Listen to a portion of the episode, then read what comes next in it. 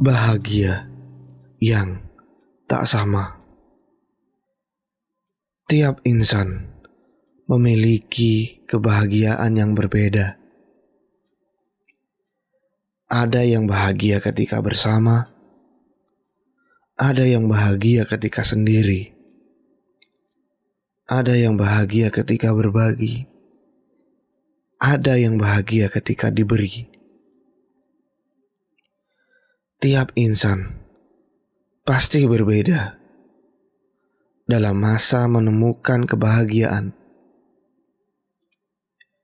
Mereka tak harus sama denganmu. Kamu tak harus sama dengan mereka. Tetapi kita bisa bahagia ketika orang bahagia. Walaupun juga terkadang tidak bahagia bahagia yang tak sama. Itu tidak apa-apa.